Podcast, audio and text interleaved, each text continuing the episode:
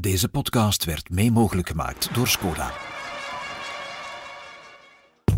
Welkom bij de Courses van ons, de wielenpodcast van het Nieuwsblad. We zijn donderdag in de week van Tirreno Adriatico en Parijs-Nice. Dat is altijd een beetje een bijzonder moment. We hebben de Strade Bianche gehad en het is nog even wachten op Milaan-San Remo.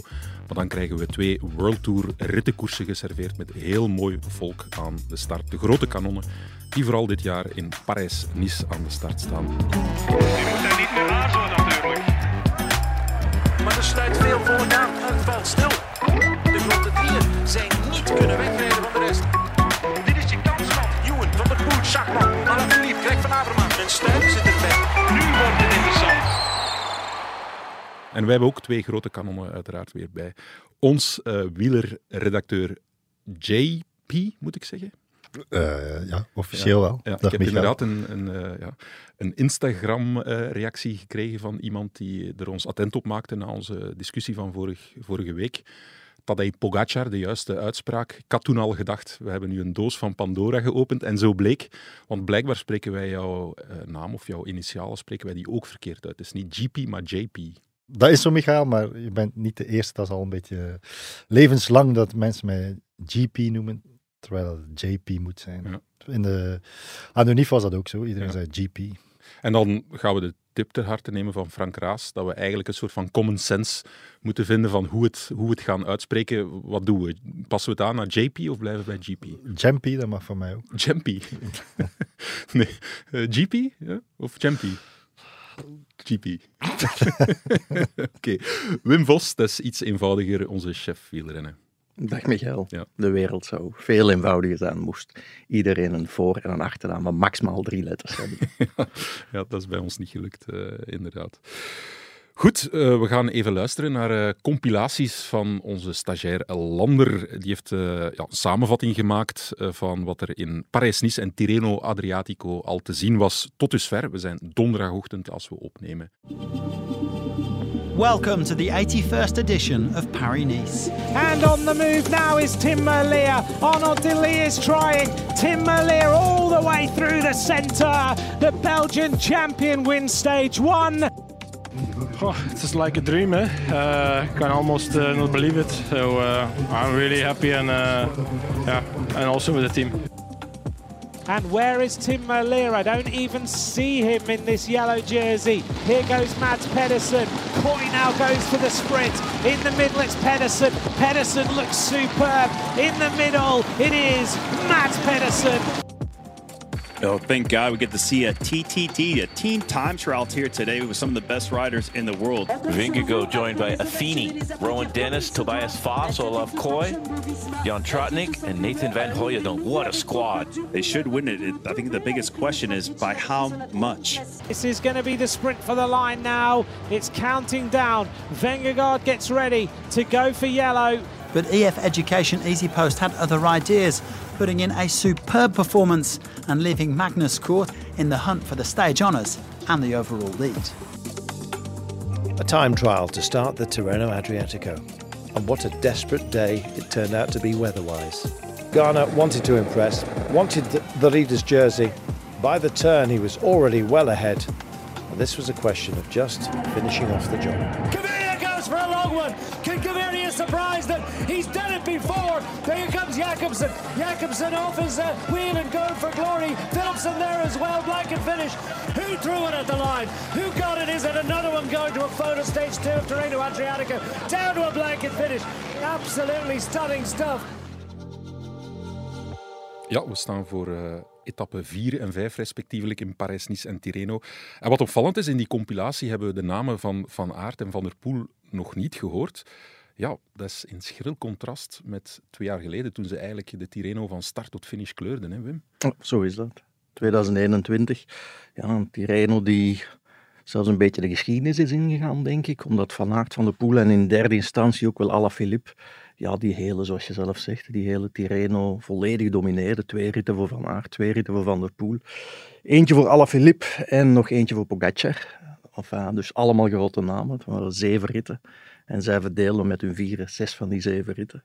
Ehm, ja, als je dan kijkt naar hoe relatief anoniem ze door deze Tirreno tot dusver ehm, rijden. Gisteren kwamen ze wel in beeld Van de Poel met een fantastische lead-out. En Van Aert die dat daar even met een aantal ploegmaats bij Jumbo-Visma ja, toch een breuk forceerde. Ehm, maar het blijft toch een groot verschil met uh, twee jaar geleden. En waarom? waarom? Waarom pakken ze het nu zo aan? Ja, die Tirreno heeft toen tot het idee geleid dat ze elkaar er helemaal uh, aan gort hebben gereden. En uh, waardoor dat ze op het moment van de waarheid, de maand april, iets te kort zouden zijn gekomen. En uh, wij media hebben dat beeld wat gecreëerd. Ik denk dat ze er ook zelf in zijn gaan geloven. Um, hoewel dat eigenlijk nog wel meeviel. Ja? De resultaten van um, twee jaar geleden in de klassiekers is gaan opzoeken. En dan zie je dat Van Aert Gent Wevelgem en de Amstel Gold Race heeft gewonnen. Dat Alaphilippe de Waalse Pijl heeft gewonnen en tweede was in Luik Bastenaken-Luik. En Van de Poel, ja, verliest daar op een haartje na de Ronde van Vlaanderen in een sprint met Asgreen. Dus ja, misschien op, hebben we dat toen wel wat overdreven. Het, het, het, ja, hoe dat ze elkaar daar de duivel aan gedaan hebben in het Greno. En dat hen dat een goede aprilmaand heeft gekost. Ja. Het is wel een feit dat uh, binnen het kamp van Aert ook wel leefde, die overtuiging dat uh, Tirreno, Tirreno te veel van het goede geweest was. Zeker omdat ook een Tirreno in heel slecht weer was toen. En uh, in de ronde kwam hij echt wat tekort, moest hij passen. Ik denk bij versnelling van van, van der Poel.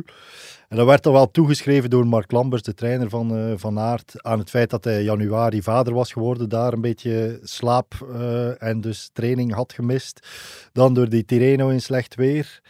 En ja, die twee samen vonden ze toch dat dat te veel energie had gekost om nog fris te zijn in, hij ging toen ook voor het klassement natuurlijk. Van, ja, ja, klopt. Dat is klopt ja. Dag na hij dag. heeft uh, inderdaad dag na dag het beste van zichzelf moeten geven. Werd uiteindelijk ook tweede in dat ja. algemeen klassement. Dus ja, hij heeft misschien daar dan toch een beetje overdreven. Maar ik zeg het opnieuw, eigenlijk in die resultaten. Die aprilmaand is ook Parijs-Roubaix niet eens gereden. Het was het Mhm. tweede coronajaar. Dus het viel eigenlijk allemaal best nogal mee, als ik dat bekijk. Ja, Lambert zei ook wel, Wout heeft zijn beste vorm uh, van dit seizoen, maar het was gewoon niet genoeg. Dus ze vonden trainingstechnisch niet dat ze een grote fout gemaakt hadden of zo, of dat ze die workload verkeerd ingeschat hadden, maar ze hadden toch gehoopt dat er een extra laag op zou gelegen hebben die er niet op lag. Hebben we daar vrede mee dat ze die keuzes maken? Ook bijvoorbeeld Van Aert niet starten in uh, Strade Bianche. Roger de Vlaming die heeft daar natuurlijk een mening over, maar wat vinden wij daarvan?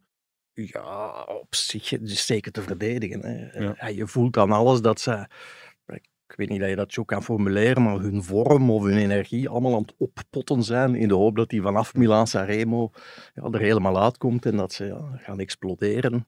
Met dan plus, en dat telt wel, of dat is wel waar, je, van aard van de pool, waar wordt ze op afgerekend? Dat is op monumenten. Milaan Sanremo in eerste instantie, vervolgens dan Ronde van Vlaanderen en Parijs-Roubaix. En ja, daar willen zij scoren dit jaar. En zelfs in Gent-Wevelgem of zelfs in Amstel Gold Race is voor Van Aert niet meer waarvoor je op de fiets zit eigenlijk. Ja. Hij wil Ronde van Vlaanderen ook bij winnen. En op dit moment is hij daarin volop aan het investeren. En kan je hem dat kwalijk nemen? Denk het niet. Ja.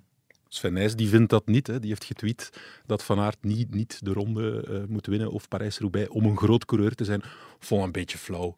Want ik denk dat Van Aert er zelf zo over denkt dat hij de ronde en Parijs-Roubaix moet winnen. En iedereen bij Jumbo-Visma. En ja, dat is zo. Dat is eigenlijk een compliment dat we dat van hem verwachten. Hè? Niet, niet, niet andersom. Ja, het is niet als, als Van Aert de ronde niet wint dat hij plots geen groot coureur niet meer is, maar hij heeft wel onvolledig palmarès. Uh, dan denkt niemand dat hij nog iemand moet overtuigen dat hij uh, kla klassen heeft en uh, meer, dan, meer dan, dan veel. Maar ja, uiteindelijk, renners zijn, zijn een palmarès.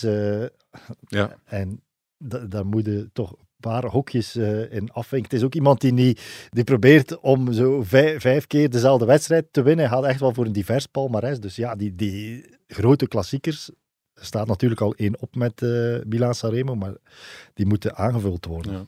ja, ik vond het een beetje flauwe verdediging van Sven Nijs om dan ja, iedereen die dan, die dan nu die druk opvoert uh, bij Van Aert richting de Ronde en Roubaix, om, om, om dat dan wat weg te nemen en, en ja, Van Aert een beetje naar de mond te spreken. Of zelfs dat niet, denk zelfs ik. dat niet, nee, ja. want ik denk dat Van Aert zelf, als je hem vraagt waar hij dit seizoen op wordt afgerekend, dan zal hij zelf die twee Kassein-monumenten noemen, zal 2K noemen. Hm. Dat stopt het zelfs een beetje voor hem. Ja. Al, al de rest is ja, bijzaak, bijna. Ja. Ja, Tom Bonen, die zei, ik vond dat verschrikkelijk als mensen mijn seizoen herleiden tot de, de ronde en Roubaix. Wat dat bij hem veel meer het geval was Ja. nog dan bij, bij eh, Van Aert. Maar ergens zegt hij, ja, daar is gewoon waar dat de lat ligt. En eh, dat moet je, moet je kunnen aanvaarden. Ja. Goed, in Parijs-Nice hebben we al behoorlijk wat vuurwerk gehad eh, voor het klassement. De eerste keer dat er vuurwerk was, hoewel was het vuurwerk, dat was die ploegentijdrit.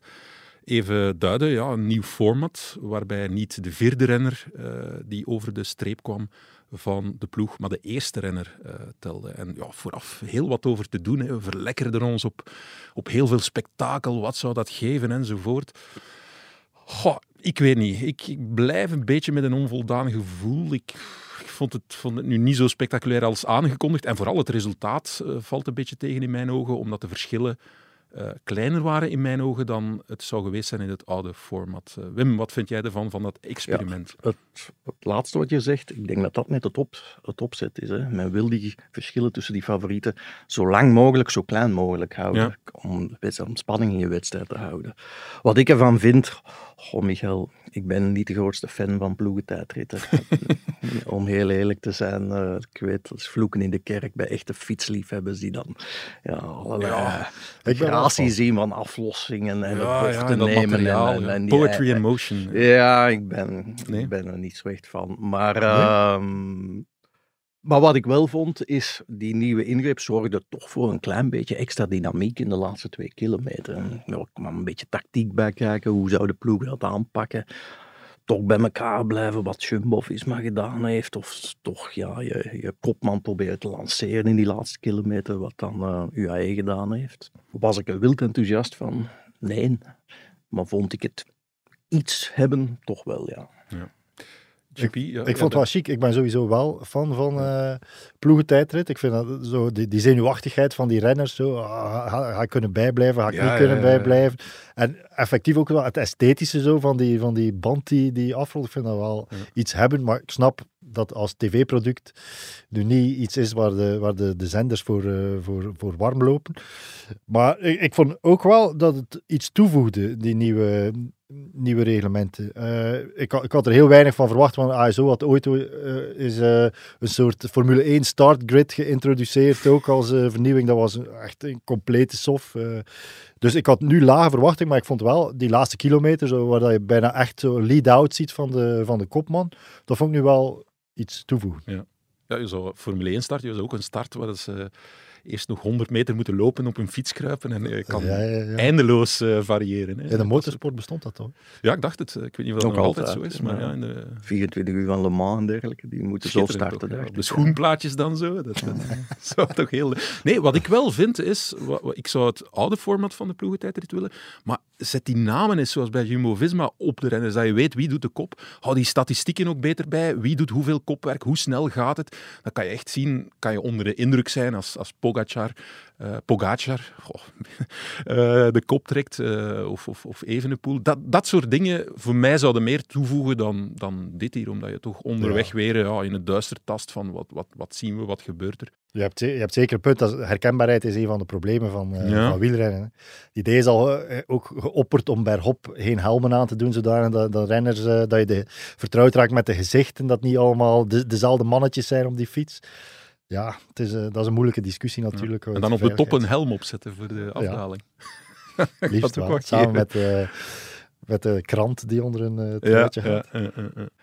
Goed, de ploegentijdrit in Parijs-Nice, daar eh, zullen we het niet over eens raken of dat nu een meerwaarde was. Maar wat we wel gezien hebben al, is heel wat vuurwerk tussen de sprinters. Etappe gewonnen door Tim Merlier, etappe gewonnen door eh, Fabio Jacobsen en ook Jasper Philipsen heeft nu eh, een ritje beet in Tirreno Adriatico. Merlier was in Parijs-Nice, Jacobsen ook in Tirreno Adriatico. En die etappewinst van Merlier, die heeft onze trofee Yves Lampaard voor deze week opgeleverd. We gaan eens luisteren. De wisseltrofee Yves Lampaard. Just a party son from uh, Belgium. Eh? Hey, een titel van nieuwsblad. Merlier wint een makkelijke, vlakke rit. Nou, niet vlakke, matje, maar baas en mooi. Hoe lastig dat was. Godfrey. Toch we dan een halve klassieker. Ja, was Tim Merlier voor eh, de persconferentie met collega Hugo Korevits. En eh, hij heeft niet zomaar een vlakke etappe gewonnen, maar een halve klassiekere. ja, wel, wel straffe zegen. En blijkbaar hebben ze nog onderschat. Hè. Ja, ja, ik denk dat, dat, dat hij wel een punt heeft. Merlier, eh, hij, hij deelt natuurlijk het dialect met eh, mijn collega Hugo. Ja. Dus dat maakt het wel... eh, Beiden West-Vlamingen. Ja, inderdaad. eh maakt het wel extra grappig. Maar je, had zeker, eh, zeker een punt. Het was een zware etappe. Ik denk dat de Vingegaard en Pogacar daar op een bepaald moment zelfs eh, in de aanval reden. Dus sterke, sterke zegen van, eh, van Merlier. En hij doet het weer, hè, want vorige week hebben we het over gehad dat eh, Merlier in de UAE-tour eh, iedere keer eh, ja, zich, eh, zich voedde met wat er in de kranten stond. Eh, ik kan dit wel, ik kan dat wel. En ja, weer hè. Ja, ja. Eh, print is dood, maar Merlier le- leest nog altijd kranten. Dat is, ja, ja, eh, ja. Als het aan Merlier ligt, dan zou de krant nog heel goed verkopen. Ja, ja, ja. Het zijn een beetje hoogdagen voor eh, de Belgische sprinten. Je hebt ooit een stuk geschreven, Wim. Sieren, er zijn geen sprinters Ja, meer. Of geen niet de meest originele titel, ja. Ja, maar eh, die zijn er nu wel. Hè. Tim Merlier, Jasper Ja, het- het verschil is gigantisch, Arno de. Lee, die, heeft nu nog, nog niet gewonnen, maar die mogen we er ook bij zetten. Nee, het, verschil is gigantisch. Ik denk, ik kijk naar collega JGP. Ehm, ik denk dat het zes, zeven jaar geleden was. Dan maakten wij ja, jaarlijks een twee, drie keer een stuk met ja, titels zoals je net zelf aanhaalt. En dan kwam je uit bij de Belgische sprinters. Dat waren dan Michael van Staaien, Kenneth van Bilzen, ehm een goede dag Jens de Busseren. Als je dat vergelijkt met wat we nu in de aanbieding hebben, dat ja, jongens, ja, is, is een top 5 plaats konden rijden in een sprint in, in Bessèges of de Ronde van Valencia. En nu heb je jongens die in World Tour wedstrijden elke, elke keer minstens top 3 rijden, om niet te zeggen winnen. Ja. Ja, we hebben dit jaar een tamelijk eh, vlak BK in, eh in Isehem met eh, weliswaar Kemmel en Montenberg. Dus een beetje hen Twevelhem-achtig misschien. Maar je, vroeger, ja, als vlak WK was, BK was, sorry, dan, dan had je één topfavoriet. In het beste geval. En nu, nu weet je gewoon niet wie dat er, eh, wie dat er gaat winnen. Nee. Ja, dus het zal wel een spurt worden, hè, want nu zijn er meerdere ploegen. Meestal als Ja, er één inderdaad. spurter was, dan was de moeilijkheid nog dat het gewicht bij één ploeg kwam te liggen. Maar nu, eh, ja, fantastisch. Zeg, en eh, ja, wat opvallend is natuurlijk, Arnaud de Lee, ja, die heeft dan nog niet gewonnen. Onze grote coming man. Nee, nog niet gewonnen. Dat is misschien wel de juiste manier om het te zeggen. Nu, ik denk wel dat hij een klein beetje, ja, hoe zeg je dat, een, een, reality check heeft gehad. Ja? Eh, de eerste twee ritten in Parijs-Nice. eh, waar je, ja, zijn trein raakte niet op het spoor.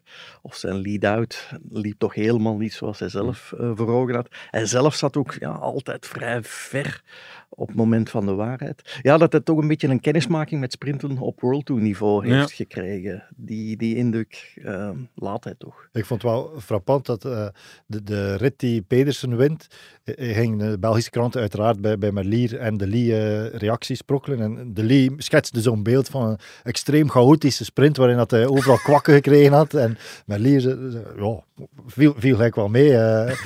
dus die, was, die is al iets meer gerodeerd waarschijnlijk in, Ja. in sprinten op dat, dat niveau dan De Lee. Maar Ja, het is ook de allereerste World Tour wedstrijd ja, als rittenkoers voor de Lee. Ja. En ja, wat ik zeg, ik denk dat hij toch een beetje een niveauverschil heeft gemerkt tussen sprinten in de grote prijs van Sottegem of eh, sprinten ja, op dat niveau. Maar ja, het is wel iemand die zo super makkelijk stappen zet en die alles. Oh, eh, voilà, niet aan twijfelen, hij kan dat aan. En hij reed, ook, hij reed ook, ik geloof in de eerste etappe, een fantastische spurt Ja, aan ja, zich. Hè. op zich was hij Ja. denk ik de snelste van allemaal. Alleen natuurlijk als je van 200 meter verder moet komen, ja. dan ben je niet meer eerst aan de meet. Welkom bij de grote jongens, Arno, zou ik zeggen. Ja, nee, die lead-outs zijn heel belangrijk. Hè. Mathieu van der Poel heeft nu, zich nu ook ontpopt tot eh, lead-out. En eh, Jasper Ja. Philipsen zei van, ja, ik had zelfs moeite om hem te volgen. Het was wel indrukwekkend, hè. Ja, Mooi, ja hè? het, was, eh, en, het was ook heel, heel lang. Normaal Ja, wordt ja, je ja. een sprinter op 200 meter afgezet. Het, was, Het waren twee wagonnetjes in één, eigenlijk. Ja, ja, ja, zo 100 meter van de, van de meet of zo. Ja, ik denk dat Philipsen het moeilijker was om het wiel van, Ja, van der Poel, waarschijnlijk. moeilijker had om het wiel van Van der Poel te houden dan om te winnen op zich. Ja. Hij zei ook van, ja, ik had eigenlijk bijna de keuze. Had ik in zijn wiel gebleven, dan won hij misschien wel. eh. ja, het was, het was zeer eh, indrukwekkend. En blijkbaar Van der Poel geniet daar ook wel van, hè, van die wel, ja. Van, eh, ja. En is iemand anders helpen winnen? Ik denk dat dat, Ja. dat, dat plezant is voor de kopman. Plus de opluchting van eindelijk die nul weg. Ja. Ze hadden nog geen enkele wedstrijd gewonnen. Ja. Zelfs voor een Van der Poel. Ja, ik denk dat hij dat dan toch graag ziet, dat dat eindelijk weg is. Dat, eh, ja, dat van de baan is. En voor hem was het ook wel bevestiging dat, dat zijn vorm goed is. Maar ja, je moet toch doen op, op het, het einde van zo'n eh, van zo'n rit. Ja. En het kan hem misschien ook nog terugbetaald worden, hè? want het is niet slecht om iets gedaan te hebben voor Jasper Philipsen met alles wat eraan komt Mhm. binnen de ploeg. Ja, ik denk dat Philipsen nu ook wel eh, met heel veel plezier in de klassiekers... eh, Ja, het is een andere situatie dan eh, Demi Vollering, Lotte Kopecky. ja, inderdaad. Ja, ik denk trouwens dat het, ja, de hoogdagen in de Belgische sprint een beetje symbolisch zijn voor, voor hoe goed het gaat met Belgisch wielrennen tout court. Mhm. We zijn een beetje cijfers zitten opzoeken qua aantal zeges. 18 keer eh 18 Belgische zeges. Er komt geen enkel land in de buurt momenteel. 19 keer tweede. Opnieuw komt geen enkel land in de buurt. En dan zelfs qua derde plaatsen doen we nog altijd mee bij de allerbeste landen. En ja, we hebben heel lang gesproken over ja, de gouden generatie in het voetbal. Maar ik denk dat we, ja, misschien zonder dat we het voldoende beseffen, echt wel de gouden generatie van de koers meemaken. Als je kijkt, straks gaan we naar de Giro, hebben een topfavoriet. Bij elke sprint op eh, het hoogste niveau doen we mee. Straks komen de klassiekers aan, hebben we met Van Aert een topfavoriet. Ja, dat zijn echt wel, wel hoogdagen voor de koers. En ja, dat we dat niet zomaar als vanzelfsprekend mogen vinden. Ja, vorig jaar werd al gezegd, het is een Grand Cru-jaar voor het Belgisch wielrennen, maar ja, het, het kan zelfs nog beter, want ja, Wout van Aert heeft nog zijn eerste koers niet gewonnen. eh. Ja, als het even goed is als vorig jaar, dan wel. Is, het, is het ook al mooi natuurlijk. Maar ja, wat ik zeg, het is, we doen op elk niveau, overal, doen we constant mee voor de zege. En dat is, als ik opnieuw vergelijk met 7, 8 jaar geleden, ja. We hadden geen klimmers, we hadden geen sprinters, we hadden geen rondrenners. Dan is dit toch wel iets anders. Ja. Je gezin is net als een wielerploeg. We moedigen elkaar aan. En we weten dat we met de tips van onze ploegleider we alle kansen hebben om echte kampioenen te worden. Skoda, supporter van de grootste fietsfamilie. Zeg, voor je verder luistert, het koersvoorjaar van het Nieuwsblad is te goed. Er is deze podcast, maar er zijn ook voorbeschouwingen, scherpe analyses en reportages. Lees nu het Nieuwsblad. Acht weken voor 8 euro. Ga snel naar nieuwsblad.be slash actie. We gaan nog even terugkomen op de Strade Bianche. Niet de koers zelf, want daar is alles over gezegd in ons cafékoers. Maar er dook achteraf een filmpje op van Gianni Vermeers en James Shaw. Eh, ja, waarbij Vermeers eh, Shaw wat eh, wegdrumde, duwde. renner van EF Education na de, de finish. Die stond rustig te drinken en ja, Vermeers wenkte hem om opzij te gaan. En eigenlijk vrij snel gaf hij een duw. Op zich ja, is die video wat hij is, maar hij werd dan gedeeld door uh, Vliegen. Ik geloof dat die tweet intussen verwijderd is, zou eens moeten checken. En dan Jos van Emden, die is daar ook nog eens op, uh, op uh, doorgegaan.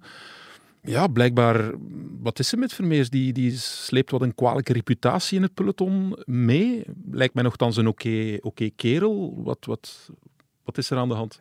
Ja, hij heeft absoluut een reputatie in het peloton. En uh, ja, zelf vind ik dat een klein beetje vreemd. Ja? Uh, er zijn wel wat incidenten geweest in het verleden, onder andere mee, met Van Emden. Heel lang geleden ook eens in de cross met Van Aert en dergelijke. Dus, dus ik begrijp het ergens wel, maar ik ken Gianni Vermeers een klein beetje als journalist. Niet dat ik met hem kerst vier of zo.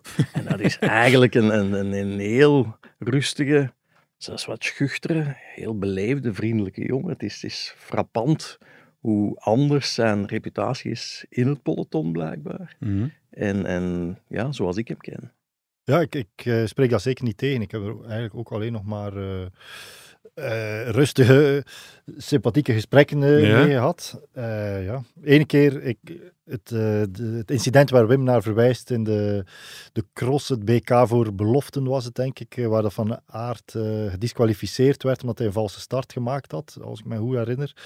Toen was Vermeers een van de renners die vond dat, hij geen tweede, dat Van Aert geen tweede kans moest, moest krijgen. Ik had er een stuk over gemaakt en uh, ja, de, Vermeers werd daar nogal heel snel, heel sterk als de, de bad guy ingekast en toen was er wel een beetje animositeit, maar dat was dan vooral uh, van, vanuit de vader eigenlijk. Heeft Johnny Vermeers zelf daar nooit, daar nooit een, een onvertogen woord of zo over, mm. over gezegd. ja, ik denk dat Mathieu van der Poel ooit verteld heeft, iemand zeer vervelend als hij niet in je ploeg zit, als hij wel in je ploeg zit, vind ik een toffe gast. Ja, het is zo'n beetje als in het voetbal, zo, uh, de Roy Keane of zo, die je in je ploeg wilt, maar je wilt niet hem ja, tegen je hebben, zoiets. Het zou kunnen, maar wij zien dat natuurlijk ook oppervlakkig. Hè? Maar daarin vind ik dat ook, zoals Wim zegt, een zeer wel opgevoede, uh, voorkomende jongen. Plus je krijgt toch wel de indruk dat hij wat geframed wordt momenteel. Want als ja. ik dan dat filmpje met James Shaw zag, God, ja, inderdaad. Hij, het, ja. ja. hij staat daar achter James Shaw. Hij wil door naar de bus of zo, vermoed ik.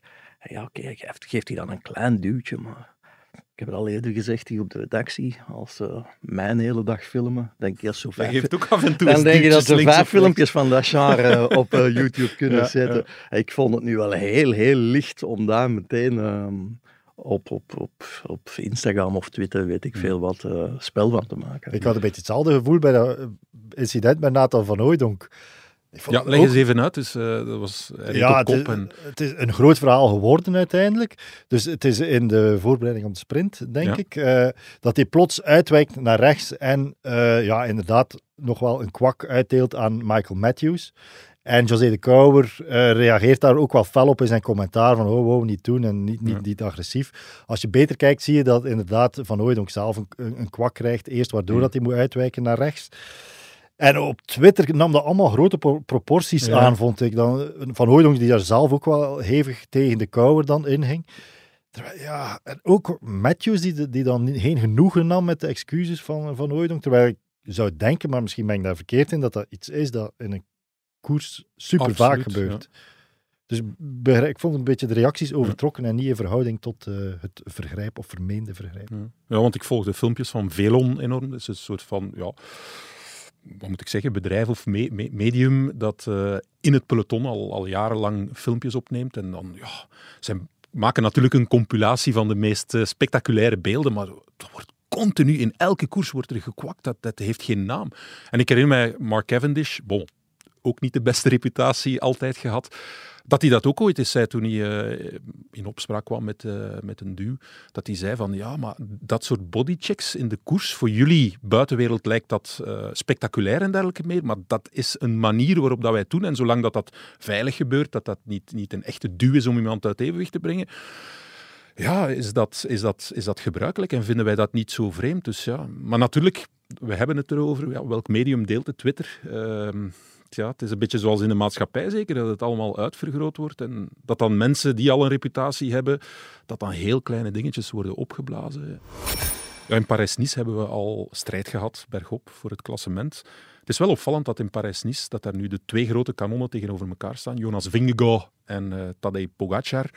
En dan in Tirreno, ja, een beetje een open strijd. Het is anders dan de voorbije jaren, waar Pogacar dan in de Tirreno eh, startte. Opvallend toch wel, hè. Het is op dit moment heel moeilijk. Bon, eh, misschien kan dat straks al, al iets duidelijker worden, maar van te voorspellen wie Tirreno zou winnen. Ja, het is ook een beetje een groot contrast met de voorbije jaren. Eh, er is altijd wel wat concurrentie geweest tussen Tirreno, enerzijds Parijs-Nice, Ja. anderzijds wie heeft het beste deelnemersveld, wie krijgt de echte vedetten aan de start. En de voorbije jaren leek dat pleit zo wat beslecht in het voordeel van de Tirreno. En eh, ja, dit jaar is het helemaal anders, hè, met Vingegaard en Pogacar, Ja. die Ja. alle twee in Parijs-Nice zitten. Het contrast is groot. Daar hebben inderdaad die twee uitgesproken favorieten. Iedereen weet dat tussen en twee zal gaan, al is dat ook op dit moment niet meer eh, helemaal het geval na de moeilijke dag van Vingegaard gisteren. Maar in Tirreno Adriatico weten zelfs niet wie binnen eh, bepaalde teams de kopman is. Je hebt UAE met Almeida en McNulty die hoog in het klassement Ja. staan. Ineos heeft Ganna en eh Arendsman. Eh, ik denk dat Jumbo het ook niet weet of dat Roglic nu kopman is, of eh, Kelderman, of toch nog Benoot. Dus ja, het is daar heel moeilijk in te schatten wie dat eh, zal halen. Ja. Maar wel een uitgelezen kans voor bepaalde renners om Tirreno op het palmares eh, te schrijven. Ja. Want de voorbije jaren was het Schachman in Parijs-Nice die wat profiteerde van het feit dat eh, de Pogacars van deze wereld daar niet aan de start stonden. Ja, nu ligt die kans eigenlijk open in de Tirreno om op een heel mooie erelijst te komen eigenlijk. Hè. Die keuze wordt die eigenlijk bepaald. Is dat puur sportief? kiest de ene voor die koers omdat, ja, omdat, het, omdat het beter past in het plan? Of, of is daar ja, geld mee gemoeid van de organisatoren? Omdat ik de vraag zag aankomen, Michael, heb ik er gisteren een paar telefoontjes voor gedaan. en, Oh, ehm, de- onze luisteraar is eh, intelligent genoeg om dit door te hebben. Ja, we hebben het op voorhand afgesproken. Zeg maar. nee, dus ik heb er een paar telefoontjes voor gedaan, eh, Michael. En er bestaat een beetje een indianenverhaal dat die grote organisatoren, dus Parijs-Nice zit bij ASO, Ja. de organisatie van de Tour, terwijl Tirreno Adriatico zit bij RCS, organisator van de Giro. En dat die grote organisatoren wel eens met geld zwaaien om die vedetten naar hen te lokken. Maar dat valt eigenlijk best nogal mee of tegen. Het is maar hoe Ja? je het bekijkt, ja. Ehm, Eigenlijk, ASO geeft nooit geld om uh, zijn aan de start te krijgen. RCS doet dat al wel eens, maar eigenlijk alleen voor de Giro en voor de UAE-tour, die zij ook organiseren. En dat laatste dan nog omdat er uh, in de woestijn altijd wel een sheik of een emir is die een zakgeld te veel heeft. Uh, maar zoals voor Tirreno en Parijs-Nice wordt er helemaal niks betaald. En het is eigenlijk vooral nog puur op sportieve basis dat ja, renners kiezen voor de ene of de andere wedstrijd. Ja. Ik denk dan altijd, ja, in de achterkamertjes wordt het toch niet gegoocheld met, ja, als je ASO-tourorganisator, van je krijgt misschien dan de betere hotels in de tour, of uh, ja, ik weet het niet. Uh. Uh, ik hoor wel dat RCS met pakketten werkt, dus ja, zoveel krijg je als je Giro rijdt, UAE Tour rijdt, eventueel Milan-San Remo rijdt, Lombardije rijdt. Dat ze een soort pakket uit hun portefeuille aan wedstrijden verkopen. Ja. Dus Evenepoel aan de start in de Giro, misschien heeft dat ook wel iets uh, opgeleverd. Of, ja, dat, dat heeft zeker iets op. Ja? Zeker. Ik, ik, ga ervan uit dat dat wel, wel zo is. Ja. Maar ook en daar die heeft ook UAE-tour gereden. Ja, ook voilà. daar laat ik mij vertellen dat dat toch maar om ja, ja enkele zijn... tienduizenden euro's gaat. Ik hoop ja. bedragen van tussen de 50 en de 100.000. Of ja, iets voor Kevin De Bruyne twee keer voor mijn trainen, denk ik. Dus Wij moeten daar wel iets meer artikels voor schrijven en podcasts opnemen dat is wel natuurlijk. Dus het valt allemaal nog wel mee met die dingen. Wat wel telt, of waar ze wel rekening mee houden, is blijkbaar zitten sommige renners veel liever in Italiaanse hotels. Er zijn de hotels in Frankrijk en ook de hotels waar ASO voor kiest in Parijs-Nice dat wil nog wel eens tegenvallen. Ja, en dat, dat is wel iets, ja. dat zou wel meespelen bij bepaalde ja, ik, uh, ik, wil spontaan iets aanvullen. Ik vind het wel goed dat Wim doorbreekt dat wij hier een uh, niet gescripte podcast zijn.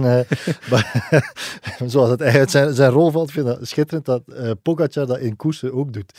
Dat hij zich zo soms tot de camera richt om zo een soort boodschap aan de kijker mee te geven. Hij deed dat nu in, in Parijs-Nice ook weer zo een keer een heimelijke blik naar de camera. Zo. Ja, in, de, de, de, etappe met de aankomst bij Hop Garde de Loge, keek hij eventjes, ik weet niet welk moment het was, als hij terug bij Vingegaard kwam. Ja, ja, inderdaad. inderdaad. Een, een, ja, een lachje naar de camera. Prachtig, hè? In de Tour deed hij toch ook, uh, als Van Aert zo aan het doortrekken was, uh, dan deed hij, geef maar hasgebaar zo. Uh, ja, ja. Ik vind dat wel leuk, dat hij zo een beetje de, de kijker deelgenoot maakt van zijn, ja. van zijn, ik weet niet, van zijn inspanning. Maar de etappe dat hij dan door het ijs zakte... ja, het was die etappe, hè. Ja, inderdaad, aan de voet. kunnen zijn dat ja. dat tegen hem keert. Maar, ja. Ik, van mij mag hij dat blijven doen. Ja, ik vind dat tof. Ja, heel fijn. Ja, ik denk dat ook concurrentie en, en ploegmakkers, dat dat ook meespeelt in de keuze. Uh, bijvoorbeeld Jacobsen, Merlier, die kiezen elk een, een andere koers. Dat lijkt mij logisch. Hè. De, dus Jacobsen in Tirreno, Merlier in uh, Parijs-Nice. Ze hebben ook elk een aparte lead-out mee. Ja, blijkbaar is er toch nog zo wel een beetje een, een, een strijd om lead-out mee te krijgen. Zeker Morkov, die dan dit jaar een beetje een moeilijkere start heeft, maar die de voorbije jaren zo de, ja. de beste lead-out van het ja. peloton was. Dat, tussen Cavendish en Jacobsen was er blijkbaar altijd wel een beetje inzet ja, van ik die... Ik wil Morkov, ik ook, ik ook, ja. ja, En nu is het opvallend dat van Bert van Lerbergen bij uh, Jacobsen zit in Tirreno Adriatico, terwijl dat Bert van Lerbergen ja, niet bij manier van spreken de beste vriend is van Tim Merlier. Die is gewoon echt de beste vriend ja? van uh, Tim Merlier. Ja, ja, die hebben samen in de middelbare school gezeten. Ik denk dat die in dezelfde ploeg, jeugdploeg zijn beginnen te koersen. Uh, Merlier is ook de Peter van het zoontje van, uh, van Lerberg. Ja. Die waren super succesvol samen in de UAE-tour. Ja. Dus het is een beetje raar misschien dat die uit elkaar getrokken worden en dat nu Jacobsen van Lerbergen in steun krijgt. Maar Lefevre zegt ja, dat hij niet gelooft in vaste koppels en dat iedereen Ja. met iedereen moet, uh, moet kunnen sprinten. Het is een beetje zoals ja, soms uh, aan de tafels bij de huwelijken, dat er uh, soms ook gemixt Ja, wordt. inderdaad, inderdaad, zet, je, ja. zet je iedereen die elkaar kent bij elkaar, of, of bijvoorbeeld tafels om ook de koppels uit elkaar te trekken. Lefevre is dat idee genegen, eh, blijkbaar. Ja. Zeg, ja, is er een, een soort van strijd aan het ontstaan, ondanks het feit dat ze niet in dezelfde koersen zitten, maar tussen Merlier en Jacobsen? Want ja, Jacobsen is voorzien voor de Tour de France. Hij heeft nu ook zijn etappe gewonnen, maar ja, Merlier nam toch een iets meer vliegende start uh, van het seizoen. En dan begonnen stemmen op te gaan. Ja, gaat de hiërarchie richting Tour behouden blijven? Of zal Merlier op een bepaald moment toch met de vuist op tafel kloppen als hij uh, betere resultaten kan voorleggen? Hoe zit dat eigenlijk? Uh? Ja, goede vraag. Daar is geen duidelijk antwoord op. Ik denk dat als je die vraag had gesteld in december, zou iedereen zeggen, ja, Jacobsen gaat naar de Tour Ja. en Merlier naar de Vuelta dan waarschijnlijk. Ja, ja, ja. Maar dat is nu zeker niet meer zo, eh, zo duidelijk te, Nee, te het is zeggen. niet 100% zeker dat eh, Jacobsen de Tour rijdt. Nee, nee. ehm, ik denk dat hij wel nog altijd in eh pole position Ja. ligt om terug naar de, het ASO-startgrid te, re- te refereren. maar ja, inderdaad, Merlier heeft iets voortvarendere start genomen dan, eh, dan Jacobsen. Dus die heeft een beetje terrein goed gemaakt, zo gezegd. Ja. Ik, het is precies, heeft zich ook wel in de geest genesteld van Merlier dat misschien de Tour toch wel een ambitie mag, mag zijn, wat in december ook nog niet per se het geval was, denk ik. Ja. Dus ja, eh, vorig jaar had je een beetje hetzelfde verhaal met Cavendish, eh, Jacobsen. Mm. Toen eh, was, was de beslissing volgens mij duidelijker genomen dan dat, dan dat ze nu genomen is. Eh, De afspraak was toen dat Jacobsen eh, naar de Tour zou gaan. Eh, De afspraak was ook dat daar niet over zou gecommuniceerd worden. Dat was blijkbaar letterlijk gezegd tegen beide renners zo voor eh, de mediadag in Calpe in december. En Jacobsen bij de eerste vraag die hem gesteld werd, zei toen... ja, ik ga naar de Tour. Dat was niet... De hele Ik ja. denk persverantwoordelijke zijn bij... ehm, Ja, dat moet niet altijd, Soudal Quickstep moet niet altijd een plezier Nee. zijn. Om de column van Lefebvre niet te noemen. eh, Ja, inderdaad. Dus, eh, ja. Ja, Niet eh, simpel. twee ploegmakkers die, die sowieso in strijd zijn, dat is bekend. Maar die nu wel samen aan de start staan in Parijs-Nice, dat zijn eh, Godu en Demar. Leg eens uit, wat, wat is er aan de hand tussen die twee? Die hebben nog niet veel samen gereden. Hè? Nee, eh, zoals dat Tim Merlier en eh, Bert van Leijbergen de beste vrienden zijn, zijn eh, David Godu en Arnaud Demar het omgekeerde blijkbaar. blijkbaar. Het- is zo dat in januari Godu in Discord, wat een soort online chat, chatbox is, Ken ik niet. open en bloot zijn, zijn antipathie voor Demar duidelijk maakte. Hij, hij postte daarin dat hij niet wil dat, hij, dat Demar met hem naar de Tour gaat. Hij, hij had het over een anekdote waarin dat Demar niet in de lift wilde stappen omdat Godu er al in stond. Dus die twee kunnen elkaar niet luchten. En dat, dat was nu ook een groot thema in L'Equipe, die daar dan voortdurend vragen over stelde. Want nu in Parijs-Nice rijden ze dus wel met elkaar, ja. wat zeer uitzonderlijk is. En blijkbaar heeft eh, Marc Madiot hen na dat incident samengeroepen, eh, is het uitgepraat, maar de titel boven een stuk in L'Equipe was nog altijd, we zullen nooit beste vrienden zijn. Dus eh, ja, dat- die twee liggen elkaar gewoon niet. Wat dat ook letterlijk zeiden in dat stuk van L'Equipe, wat dan ook wel weer, wat je moet appreciëren, want ja, je kan ander- doen alsof dat alles bijgelegd Ja, is, maar eigenlijk ja, Ja. wilden ze zelfs die schijn niet wekken. Ze liggen elkaar niet. Het zal altijd zo zijn. Maar dat is wel straf dat dat open en bloot te lezen was, alles wat... eh, Ja, dat is onbegrijpelijk. Want Godu was dat, dat is dus een chatbox waarbij dat mensen instant reageren op wat Ja. hij post. Dus iemand zei van, ja, is dat nu wel verstandig dat je dat in een publiek forum aan het doen bent? En dan antwoordde Godu, ja, maar dat, dat maakt niet uit. Ik wil het in zijn gezicht zeggen ook. En dat ja. dus hij heeft eh, niet de berichten verwijderd. was Nee, gewoon, hij heeft zich nadien wel excuseerd, maar dat was ook, die excuses waren ook weer zo geformuleerd. Ik had dit nooit in een publiek forum mogen, mogen posten. Dus hij, hij- hij excuseerde zich niet voor het feit dat hij het gezegd ja, ja, ja, had, hij zei wel dat het publiek plek. gezegd Ja, had. Hij stond wel achter de woorden. Ja. Ja. Dat is van alle tijden, hè, Michael. Ja? De Ja, eh, natuurlijk. rivalen in dezelfde ploeg. Als je teruggaat naar de Tour van 1986, denk ik, met Le Monde en Hinault, absoluut de twee grote sterren in die tijd. vrienden. En ook geen vrienden, absoluut niet. Hè. Absoluut niet. Ja. Hino, eh, ja, heel sterk karakter en dan... Ja, Le Monde. Ja, er bestaat een, een- een bekende anekdote van. In die Tour van 1986, dus op dat moment. Hino heeft het jaar voordien, ze rijden alle twee bij Flavie Claire, de Ja. topploeg van dat moment. Hino heeft het jaar eerder eh, de Tour gewonnen met hulp van Le Monde. En de afspraak is een beetje dat in 1986 de rollen omgedraaid zijn. Dat Le Monde de Tour gaat winnen en dat Hino hem zal helpen. Maar eigenlijk al tijdens die Tour voelt Le Monde dat ja, Hino een beetje dubbelspel aan het spelen is, dat hij toch zijn eigen koers rijdt. En ehm, ja, er is een bekende anekdote in, in een rit naar Futuroskop, ergens halverwege de Tour. En in die rit ehm, heeft Le Monde, laten we zeggen, een, een darmprobleempje. een acuut darmprobleempje, terwijl tijdens die rit al ehm, heeft hij ergens een petje van een collega renner nodig om daar het nodige in kwijt te kunnen. Eh, maar hij komt ook aan de finish en ja, zijn probleem is nog altijd even acuut. Dus hij, gaat, hij heeft maar één zorg aan de finish, dat is naar een toilet op zoek gaan. Ja. Het is de tijd van voor de rennersbussen, eh, dus ze kleden zich nog om in sporthallen en dergelijke. Maar La Vie Claire wat ik zeg, een ploeg, de topploeg, die had wel al een campertje. Ja. En dat campertje diende eigenlijk als een soort van rijdend magazijn. Ze stockeerden daar wat hun rollen, wat, wat extra truitjes, Ja. wat, wat promomateriaal en dergelijke. En Le Monde wist in die camper staat volgens mij een toilet. Dus ja, aan de finish rept hij, hij ziet dat campertje staan, rept zich, naar de, rept zich daar naartoe, doet de deur open, wurmt zich tussen al het materiaal naar een, deurtje verderop in die camper. Hij doet dat open, alleen ook die toilet is er niet meer. Die heeft plaats moeten maken voor extra kartonnen dozen en dergelijke.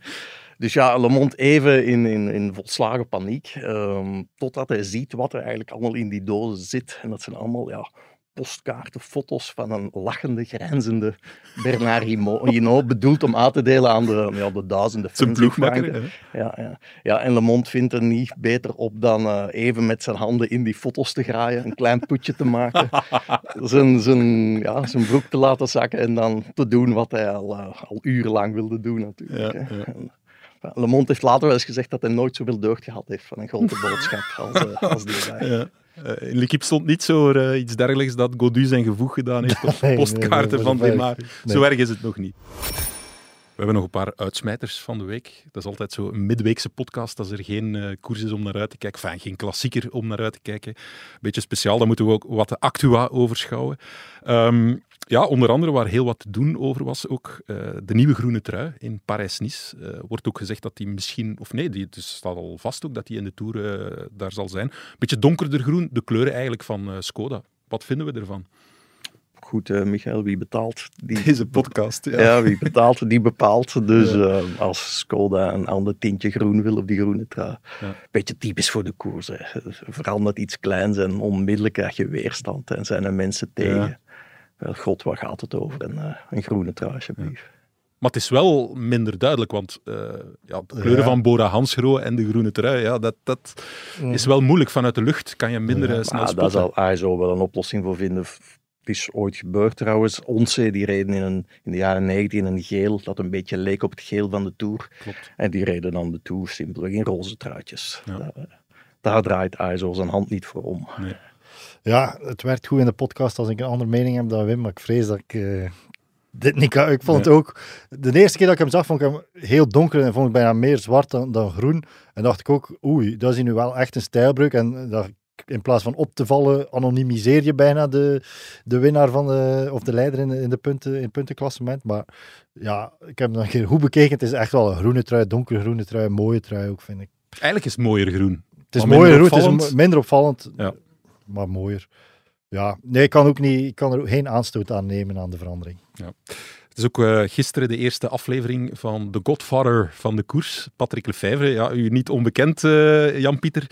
Je bent een beetje zijn ghostwriter voor de column. Ja, wat, wat vindt Lefevre daar eigenlijk zelf van? Heb je het er al over gehad? Nee, we hebben het er nog niet uitgebreid over gehad. En ik moet eerlijk zeggen dat ik de aflevering van gisteren eh, ook niet, niet gezien heb. Ik ben afgehaakt na de afspraak. Maar hij maakte zich een beetje zorgen over, eh, over het feit dat hij nogal vaak met een drankje in de hand in beeld kwam. Dat, eh, dat herinner ik mij wel. die- Dat zij, Ja. Ze filmden alleen na overwinningen, waardoor dat er altijd iets te vieren was. En natuurlijk, hij heeft al een beetje eh, het beeld van iemand die graag, graag een glas drinkt. En daar maakte hij zich wat zorgen over dat dat een karikatuur zou worden. Ja. Maar goed, beter veel overwinningen in Ja, beeld voilà. brengen dan nederlagen. Ja, dan hebben we nog de week van Remco. Dat is onze vaste rubriek, daar gaan we toch het deuntje laten horen. Hè? De week van Remco Evenepoel. Ja, ik zal hem maar voor mijn rekening nemen. Remco Evenepoel zit op de berg, eh, op de tijden, met eh ploegmakkers Jan Hirt, Ilan van Wilder, Louis Vervaken is daar aan het trainen. En ja, het is wel opmerkelijk, want zijn, zijn trainingen staan elke dag op eh, Strava. En ja, wij ook natuurlijk, we plegen daar elke dag stukjes over. Eh was bijvoorbeeld, geloof ik, gisteren of eergisteren, foto waar... van Ja, zijn ontbijt, een aantal Ah, koffiekoeken en filmpjes ook en zo. Ja, we pikken dat allemaal gretig op, maar goh, ik zou zoiets hebben van laat die jongen nu even trainen, nee? Ja, ja, dat is zo, maar ja, de, de, de, het medialandschap gaat erin niet meer veranderen. Dus als renners, als het renners irriteert dat daar stukjes over verschijnen, is de remedie, vrees ik, om die foto's niet meer, eh, niet meer te Ja. posten. We gaan afscheid nemen. Wim, bedankt voor jouw bijdrage vandaag. Graag gedaan, Michael. GP of JP, bedankt ook voor jouw bijdrage. Mag kiezen. Eh, graag gedaan. Ja. En bedankt, beste luisteraar, om er weer bij ons te zijn. Geen cafékoers deze keer, want inderdaad geen grote eendagskoers dit weekend. Wel het beslag in uh, Parijs, Nice en Tirreno Adriatico. En dan zijn we er volgende week in uh, de midweek, normaal gezien op uh, donderdagochtend opnieuw, om dan vooruit te kijken naar Milaan-Sanremo.